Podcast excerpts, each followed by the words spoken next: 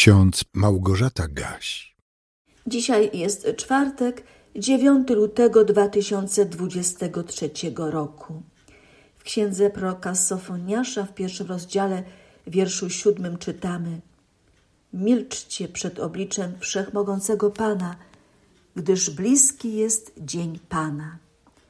A w Ewangelii Mateusza w 24 rozdziale, wierszu 44 czytamy Dlatego i wy bądźcie gotowi, gdyż Syn Człowieczy przyjdzie o godzinie, której się nie domyślacie.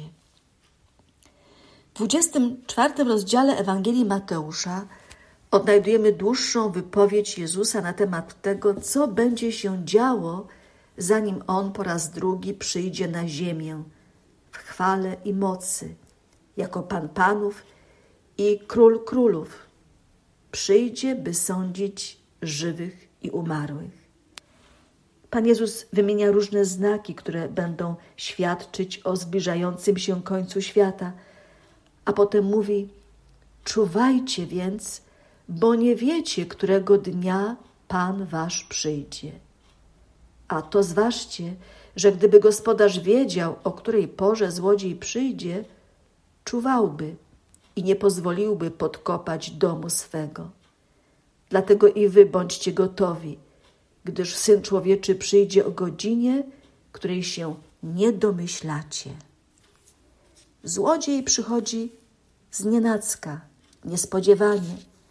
Jego wejście do czyjegoś domu zawsze jest zaskoczeniem. Gdyby ktoś wiedział, że złodziej przyjdzie w określonym dniu i o określonej godzinie, to by się odpowiednio zabezpieczył. Ale tak nie jest i nie może być, bo na tym polega skuteczna metoda złodzieja, że zaskakuje. Drodzy słuchacze, nie chciałabym, żebyśmy teraz pomyśleli, że Pan Jezus, który przyjdzie po raz drugi na ziemię jako Pan Panów i Król Królów, jest podobny do złodzieja. To nie tak. Wypowiedzi Jezusa chodzi jedynie o podkreślenie tej niezwykle istotnej prawdy, że przyjdzie On po raz drugi na ziemię w dniu, o którym nikt nie wie, w dniu, którego nie da się wyliczyć, chociaż niektórzy próbują to czynić, zwodząc ludzi nieznających tak jak trzeba Bożych zapowiedzi zapisanych w Biblii.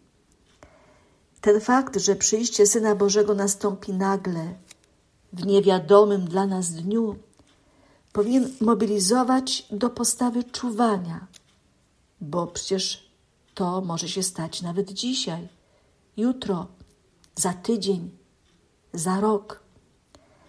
Nie wiemy, czy doczekamy tego dnia, ale jedno jest pewne.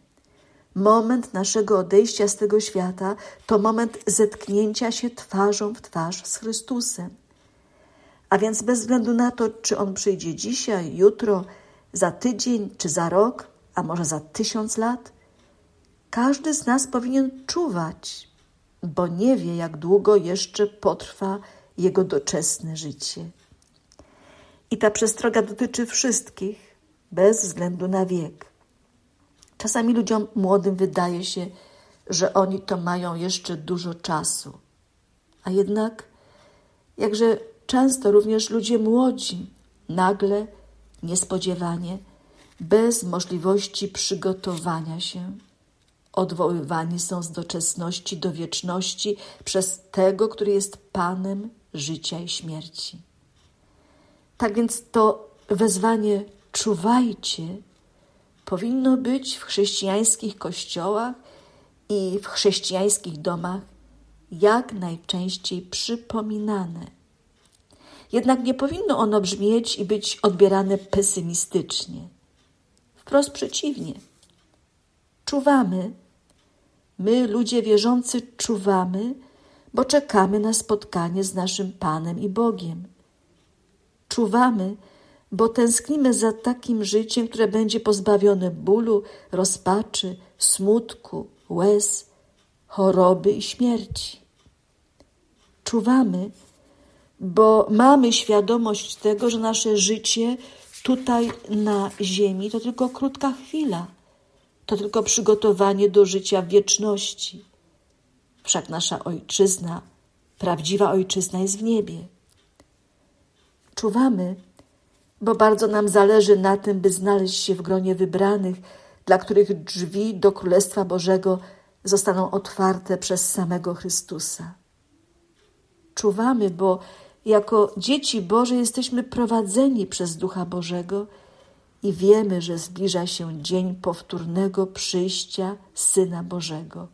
Zbliża się kres naszego życia na ziemi, a więc żyjemy w cieniu wieczności.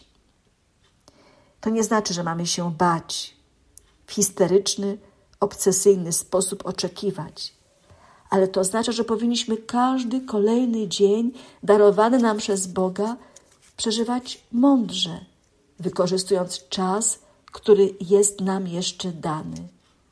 Bo jest to czas, który w gruncie rzeczy przygotowuje nas na spotkanie z Panem Panów i Królem Królów. W listach apostolskich często słyszymy wezwanie, napomnienie, by wykorzystywać czas. I tak na przykład w liście do Efezjan w piątym rozdziale apostoł Paweł napisał: Baczcie więc pilnie, jak macie postępować, nie jako niemądrzy, lecz jako mądrzy, wykorzystując czas, gdyż dni są złe. Dlatego nie bądźcie nierozsądni, ale rozumiejcie, jaka jest wola Pańska. A w pierwszym liście do Tesaloniczan, w piątym rozdziale apostoł napisał: Przeto nie śpijmy jak inni, lecz czuwajmy i bądźmy trzeźwi. Dziś zostają nam przypomniane słowa samego Jezusa. Dlatego i wy bądźcie gotowi, gdyż Syn Człowieczy przyjdzie o godzinie, której się nie domyślacie. A Bóg pokoju niechaj was wszystkich napełni wszelką radością i pokojem wierze, abyście obfitowali w nadzieję przez moc Ducha Świętego. Amen.